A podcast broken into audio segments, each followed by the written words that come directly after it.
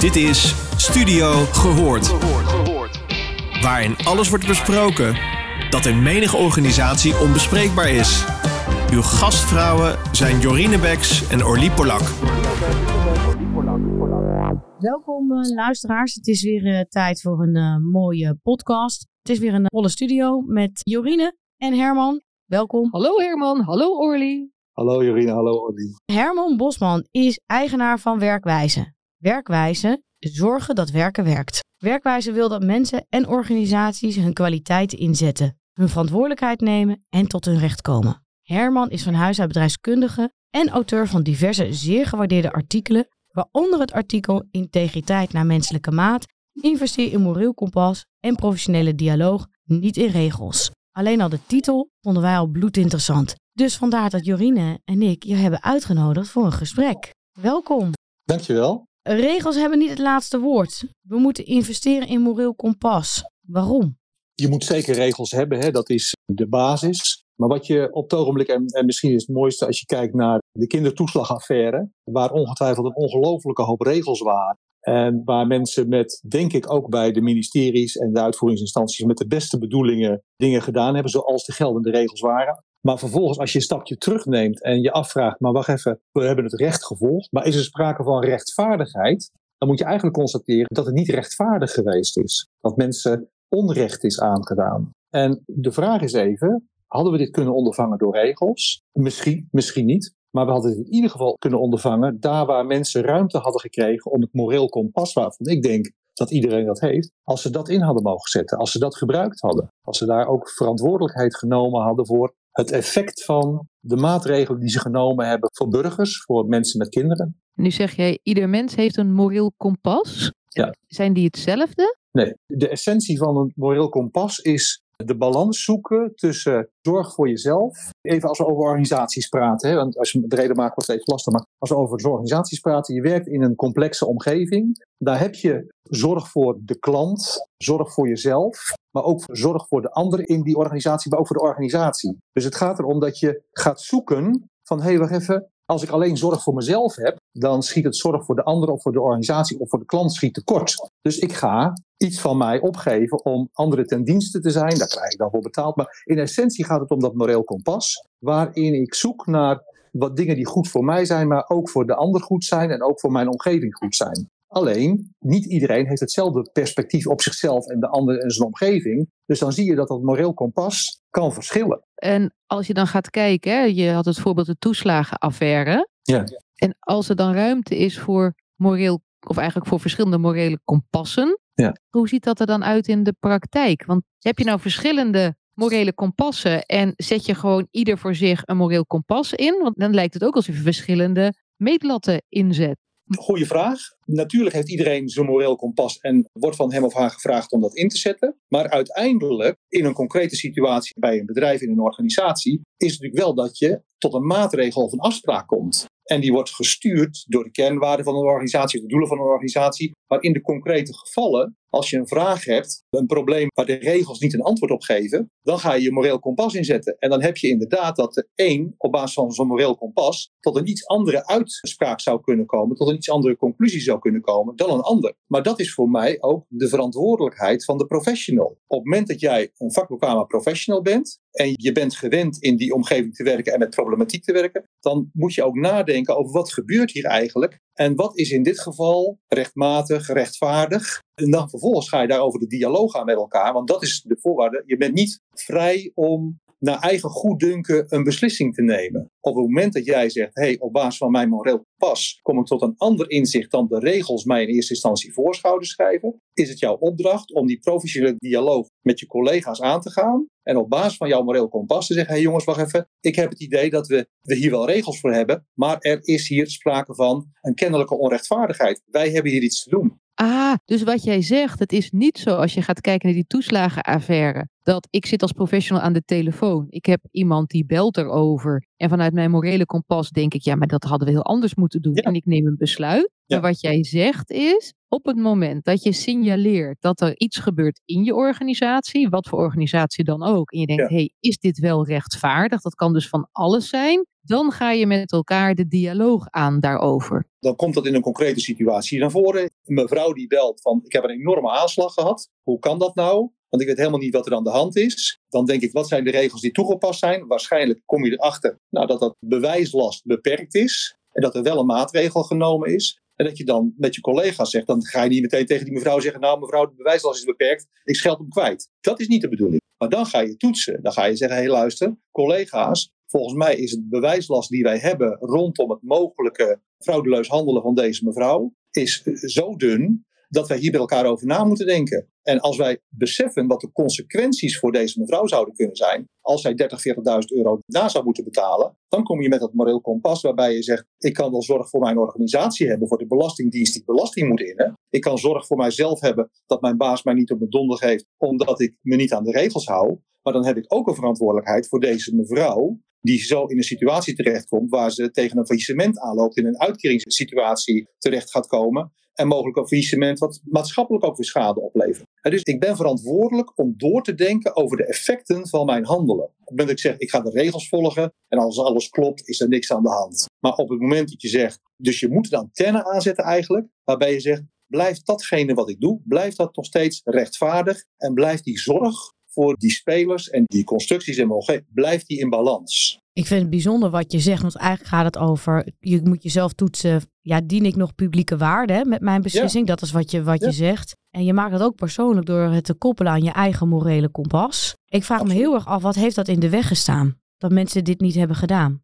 Dat vraag ik me ook af, maar ik kan erop speculeren. Want dus als ik erop speculeer en wat ik in organisaties tegenkom, dat verantwoordelijkheden behoorlijk gecompartimenteerd worden. Hè? Dus je hebt beperkte verantwoordelijkheden. Er is een uitvoeringsregime, en dan praten we even over overheid. Maar ook in bedrijven heb je allemaal werkinstructies en procedures. En jouw manager die wil graag KPI's genereren. Dat betekent dat jij de stappen in het ERP-systeem nauwkeurig moet volgen. En op het moment dat het naar buiten valt en allerlei lijstjes gaan ontstaan, kun je al niet meer rapporteren, krijg je geen zuivere gegevens en kun je geen resultaten laten zien. dus het gaat er heel erg om dat in wetgeving, maar ook in procedures en organisaties dingen zo strak georganiseerd hebben waar mensen gedragsvoorschriften krijgen, besluitvoorschriften krijgen. En op dat moment, op het moment dat jij denkt daarmee het goede te doen voor die organisatie, want dat wordt een narratief of een vertoog in die organisatie, van jongens, het geloof ik absoluut dat bij de Belastingdienst dat narratief ook geheerst heeft. Wij moeten voorkomen dat er misbruik gemaakt wordt van uitkeringen. En terecht. Dat, dat klinkt inderdaad als, als wat jij zegt, heel terecht. En zit er ook nog iets in van als het over zoveel. Kijk, dan zijn het over mensen. Je maakt het heel mooi, zo'n mevrouw aan de telefoon.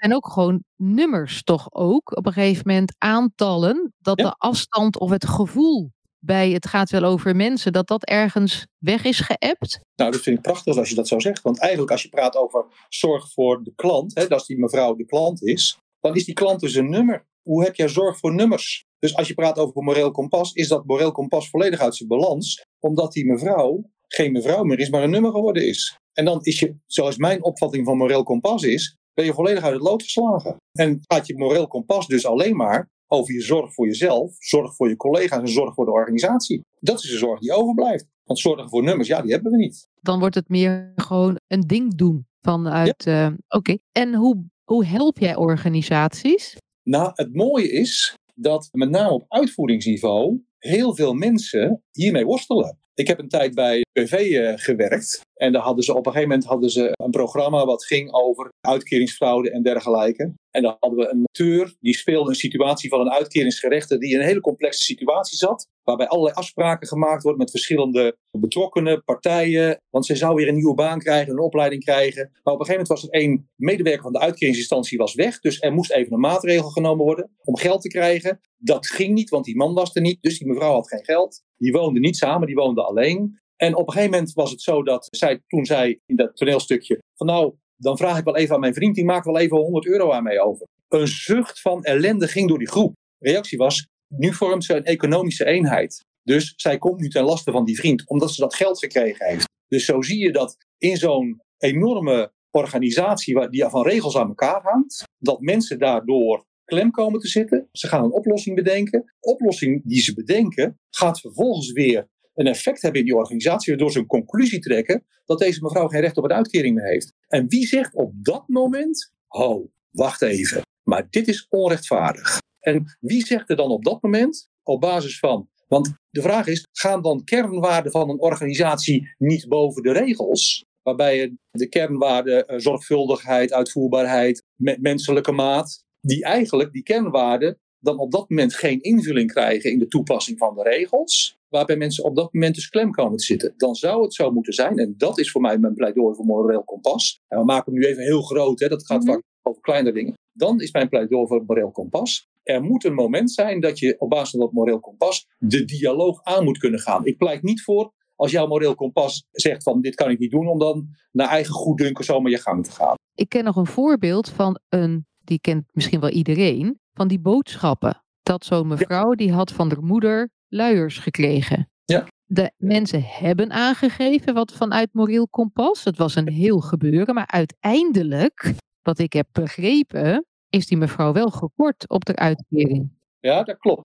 Dus in die zin, we kennen de situatie niet goed genoeg. Wat ik later ook nog hoorde, is dat deze mevrouw nog een paar duizend euro of een auto, of dat dat ook nog meespeelde. En dus in die zin, wat er van de buitenkant lijkt, hoeft in de concrete situatie niet altijd het geval te zijn. Ik kan me zomaar voorstellen, bijvoorbeeld met die toeslagenfraude, dat er mensen tussen zitten die gekort zijn, waarbij het wel degelijk verdiend was. Kan ik me zomaar voorstellen. Dus wat krijg je nu? Nu gaan we vervolgens een regel opstellen dat iedereen krijgt 30.000 euro die slachtoffer is geworden van die toeslagenproblematiek. Nu krijgen mensen die wel fraude hebben gepleegd, krijgen ook 30.000 euro. Dat is precies het probleem op het moment dat je alles via regels moet gaan organiseren. Er is overigens geen alternatief, laten we helder zijn. Je moet regels hebben en je moet uitvoeringsvoorschriften hebben. Maar dan zie je dat er altijd ergens iets misgaat. Is het ook niet dat die publieke waarden eigenlijk een eh, polariteit hebben? Dus aan de ene kant is het natuurlijk van de uitvoeringsinstantie om zorg te verlenen of een dienst te verlenen. Maar aan de andere kant worden ze ook wel degelijk aangesproken op het verkwisten van middelen. Dus je, je noemde net het UWV.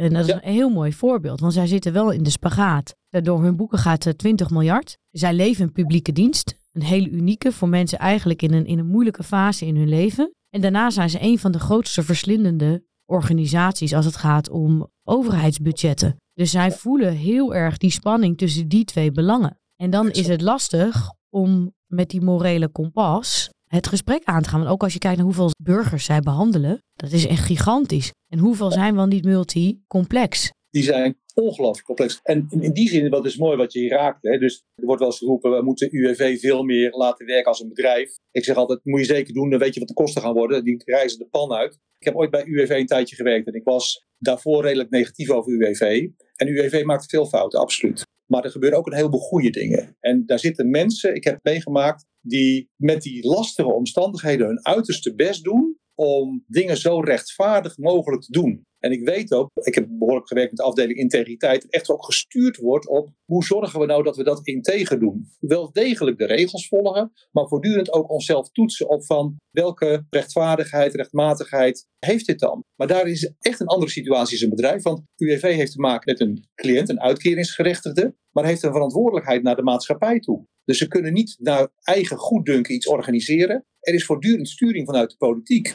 En de politiek zegt, de UWV is als het ware ook een sturingsinstrument en een belangeninstrument. Ik heb er gewerkt, je wil niet weten wat dat voor gevolg heeft voor zo'n organisatie. Als je wilt zorgen dat een organisatie niet kan werken, moet je vooral veel politieke maatregelen nemen. Maar dat is ook wat er gebeurt, hè? Ja. Wat er gebeurt, en dat is een beetje krom met die hele publieke dienstverlening. Hè? Dus we hebben de, de normzetters en de doeners. de normzetters zijn onze politiek, onze ministeries. De doeners zijn onze uitvoerende instanties. En in één keer komt er een, een drama naar boven, een casus. Ja, we zijn de menselijke maat zijn we kwijt. Want we hebben geen moreel kompas. Maar ja, aan de andere kant hebben ze de discretionaire bevoegdheid afgepakt. Dat hebben we gewoon gedaan. Mandaat hebben ze niet. Ze hebben hele strakke KPI's. En ze mogen zich elke keer verantwoorden op het ministerie. Niet over menselijke maat. Tenzij dat in de krant komt, dan in één keer wel. Maar over het algemeen is de verantwoording eigenlijk alleen maar over de centjes. Weet je, het is een hele leuke koppeling. Ik heb dit artikel geschreven. Mijn broer heeft in de Tweede Kamer gezeten en die is voorzitter van de commissie uitvoeringsinstanties geweest. En die heeft het rapport Klem tussen balie en beleid geschreven. En eigenlijk komen we van twee kanten tot dezelfde conclusie.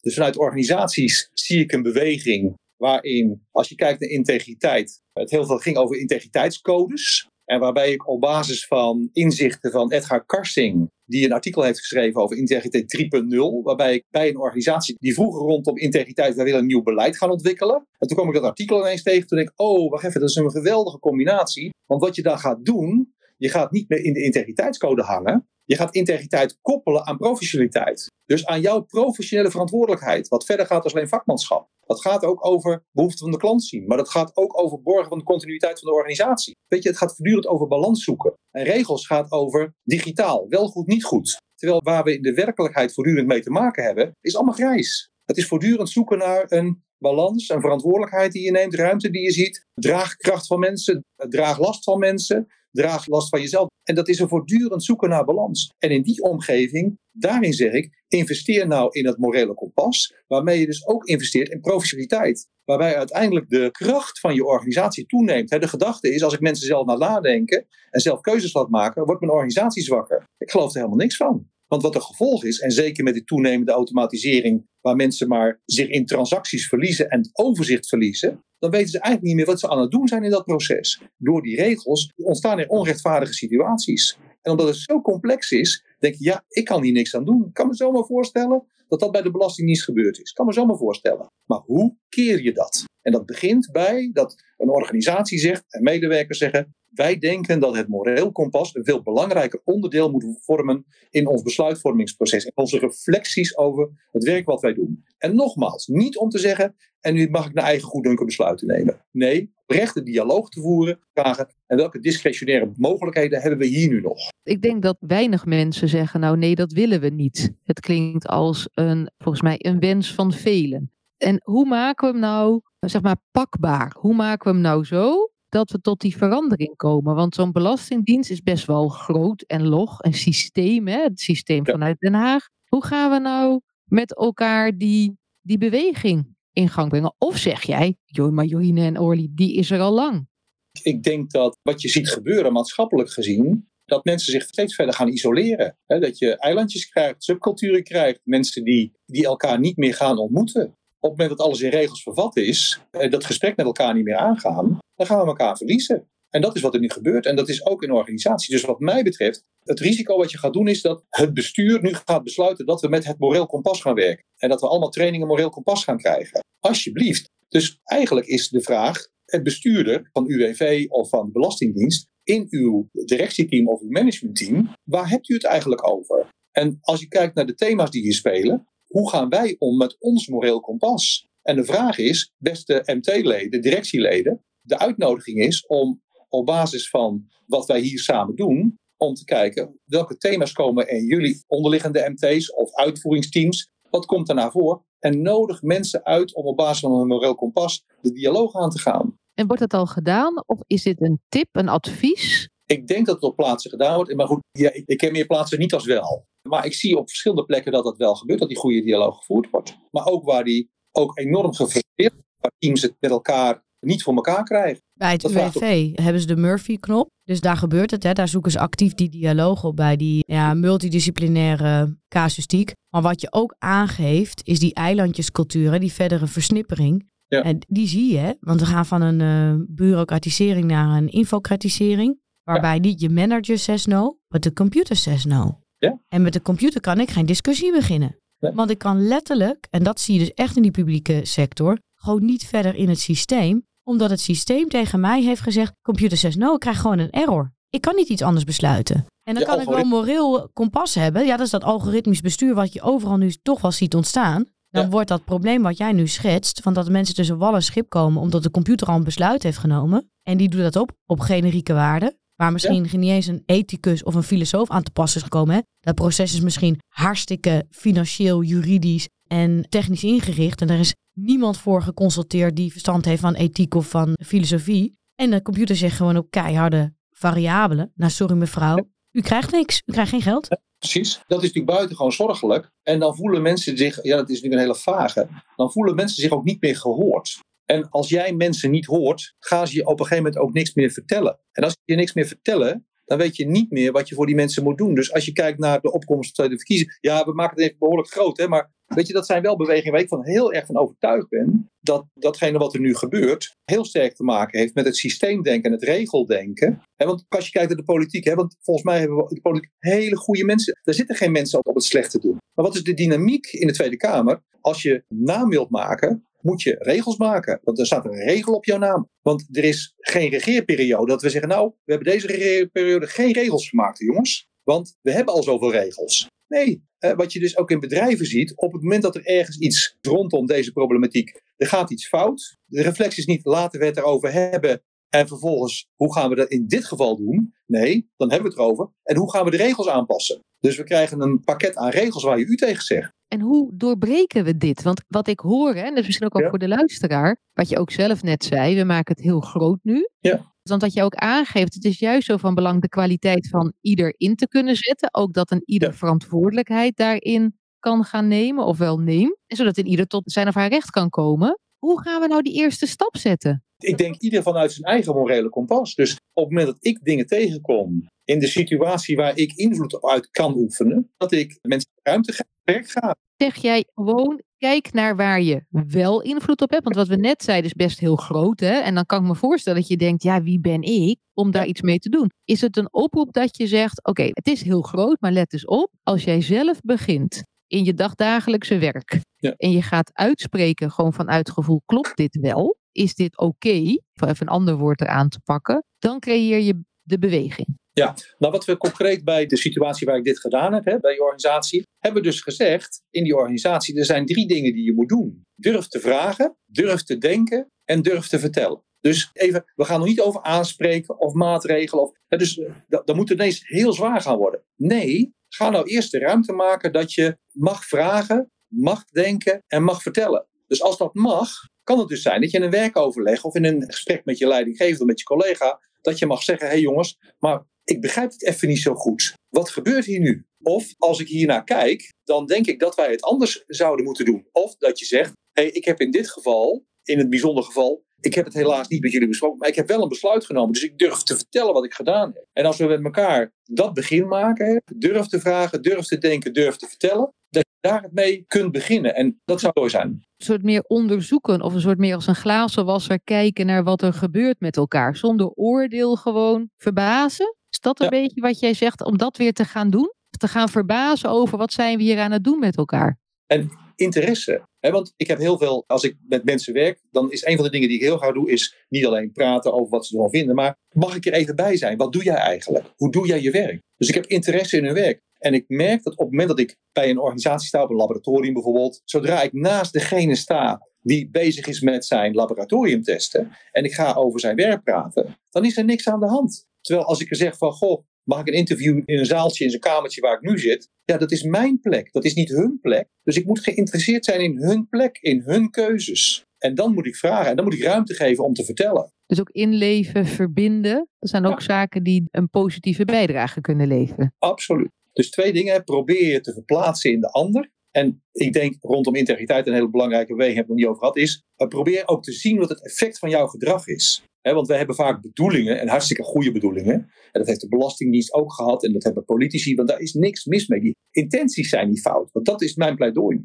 Alleen, mensen koppelen het effect van hun gedrag niet aan datgene wat ze gedaan hebben. Dus dat maken ze ergens los. En de vraag is, durven we nou, en dat is ook dat durven, durven we het effect van ons gedrag te zien? En dat ook te vertalen naar, hey, wacht even, ik heb de beste bedoelingen gehad, maar het is even rottig uitgepakt. En dan is weer dat moreel kompas. Dan kan ik wel zorg voor mezelf hebben dat ik het goed bedoeld had. En denk ik, ja, maar ik had het toch goed bedoeld? Nee, ik heb het goed bedoeld, maar het is verkeerd uitgepakt. Dus nu moet je even zorg voor de ander hebben. Want jouw bedoelingen kun je jezelf rechtvaardigen, maar dan ga je je verdedigen en isoleren. Dat gaat niet werken. Is er ook een specifieke rol hierin voor de leidinggevende? Absoluut. Hoe zie je die? Twee dingen, hè? dus ook weer oprechte interesse, maar ook het voorbeeldgedrag. Hè? Dus laat het zien, dus vraag ook na. En natuurlijk, je hebt niet zeeën van tijd, maar sommige dingen moet je gewoon absoluut besluiten. Dit kan niet, dat kan wel. Maar er zijn dingen dat je op een gegeven moment je ook zelf af moet vragen. Wacht even, met die beste bedoelingen die ik heb, wat voor effect heeft dat nog bij mensen? En ben ik daar nou ook geïnteresseerd in? Of ga ik voor mijn maandcijfers, voor mijn productiviteit en laat ik dat maar zitten? Dus die heeft een hele belangrijke rol daarin. En wat ik je ook hoor zeggen is het stukje van automatische piloot. Hiertoe zit ik, dus dit doe ik en dat was hem. Ik heb een voorbeeld vanuit het ziekenhuis, vanuit chirurgie, de OK. Op een gegeven moment dat ze dus een ritueel hebben voordat ze beginnen met opereren. Dit is meneer Hupseflups of mevrouw Hapseflaps. Om even weer die verbinding te krijgen met het is een mens. Het is niet gewoon een ding wat ik doe, het is een mens. Heel mooi voorbeeld. Ja, ik vind het briljant. Weet je, dat is het besef en daar heb jij effect op. En dit gaat over niet die nier of die knie, maar het gaat over het leven van meneer X en zijn vrouw en zijn kinderen. En dat hij weer op vakantie kan en kan wandelen in de Pyreneeën of kan zwemmen of weet ik wat allemaal. Ja. Heel mooi hoe je hem aanvult. En dat vind ik ook, wat het is heel groot, maar ondertussen ook heel klein. Het vergt wel wat, wat lef. Ja. Maar we kunnen het wel met elkaar die eerste stapjes zetten. Dank je wel, mooi. Graag gedaan. Dankjewel voor deze mooie podcast. Graag gedaan. Fijne dag nog. Jullie ook. Doeg. Dag. Je luisterde naar Studio Gehoord. Vond je dit een leuke podcast? Laat dan een review achter bij jouw favoriete podcastplatform. Tot de volgende!